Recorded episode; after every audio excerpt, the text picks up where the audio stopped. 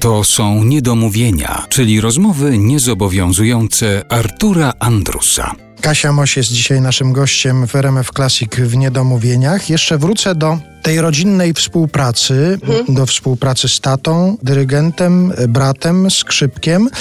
Czy kiedy wy zabieracie się za takie zawodowe sprawy, to się też musicie znaleźć w jakiejś takiej, nie wiem, zawodowej przestrzeni? Przechodzicie do jakiegoś pokoju prób, czy jesteście w stanie takie rzeczy robić też w taki codzienny, normalny, rodzinny sposób? Czyli, nie wiem, nuty sobie przekazywać w drodze pomiędzy łazienką a kuchnią. Jak to jest? Jak, jak to technicznie działa wszystko? Technicznie działa tak, że na przykład tutaj przy pracy, przy pieśniach Stanisława Moniuszki, to mój brat Mateusz, łącznie z naszym e, pianistą Mateuszem Kołakowskim, oni w dużej mierze pracowali tak naprawdę nad tym materiałem w dwójkę. To znaczy zaczęliśmy pracę w trójkę, ponieważ trzeba było z 300 pieśni Stanisława Moniuszki wybrać te 11 czy 12, które akurat wyda nam się interesujące dla nas, w sensie, że będziemy chcieli nad tymi pieśniami popracować. Z Akademii Muzycznej wypożyczyliśmy nuty i wydrukowaliśmy te nuty i trzeba było 300 pieśni przejrzeć. Mhm. Więc Mateusz Kołakowski na pianinku grał te akordy i melodie, które tam były. Czytaliśmy również teksty i z tego wybraliśmy właśnie te 11, które na tyle nas zainteresowały, że chcieliśmy je przerobić. No i potem zaczęła się praca głównie panów e, Mateuszów i w którymś momencie, kiedy już w miarę te pieśni były gotowe, dostawałam taką prymkę muzyczną. I, I, tak naprawdę ojciec dopiero dostawał y, nuty no, w ostatnim etapie tak naprawdę pracy nad tymi pieśniami i wtedy mógł się do tego odnieść, a, a tak naprawdę głównie można było się do tego odnieść, kiedy rzeczywiście orkiestra zagrała pierwsze dźwięki i pamiętam, że, że w paru miejscach było tak, e, że rzeczywiście e, do Mateusza, mojego brata, były pretensje pierwszych skrzypków, bo mówili, że to jest nie do zagrania, że po prostu trzeba coś tam pozmieniać, bo jest to technicznie nie do wykonania. No i skoro już padło to nazwisko i my rozmawiamy o tym zdarzeniu artystycznym Moniuszko 200 na 200. rocznicę urodzin Stanisława Moniuszki powstało takie przedsięwzięcie, to ja muszę zapytać, czy to jest, rozumiem, że jest rocznica, że jest okazja, żeby coś takiego stworzyć, a czy w, w mhm. was było takie przekonanie, że Moniuszko to jest y, na tyle interesujący materiał, że że trzeba to zrobić. Jakbyście przekonali na przykład młodych ludzi, że Moniuszko to nie jest coś takiego, czego się już nie da słuchać? Tak naprawdę pomysł padł ze strony taty mojego i też zastanawiałam się, kurczę, czy ja tak naprawdę jakoś jestem wielkim fanem tego kompozytora? No pewnie nie, ale kiedy wgłębiliśmy się w te pieśni, kiedy zaczęliśmy je rozkładać na czynniki pierwsze, kiedy dostałam pierwsze nuty od chłopaków i nagrania od chłopaków, zdałam sobie sprawę, że tak naprawdę to jest właśnie doskonały materiał, żeby młodemu pokoleniu przedstawić tego kompozytora trochę też na taki bardziej współczesny, nowoczesny mm, sznyt, ponieważ ja staram się rzeczywiście w każdej z pieśni podać fragmentarycznie melodię, która jest zapisana w nutach, przynajmniej w pierwszej zwrotce. Oczywiście nie zawsze to się udawało, ale potem już w następnych zwrotkach ja od tego odbiegam, tworząc sobie gdzieś tam e, dowolną interpretację melodyczną i dla nas jest to, jakby pokazuje tylko, że warto było to zrobić, to jaki no, niezwykły odzew ma pierwsza pieśń, którą udostępniliśmy, a mowa tutaj o Prząśniczce. Jest to oczywiście najbardziej znana pieśń Stanisława Moniuszki. Odzew, który otrzymaliśmy od państwa, od publiczności, to był naprawdę dla nas ogromnym zaskoczeniem i myślę, że dla wielu, bo wydawało nam się, że może tam będą jakieś odsłony, ale nie, nie spodziewaliśmy się e, miliona wyświetleń i to w dość krótkim e, czasie.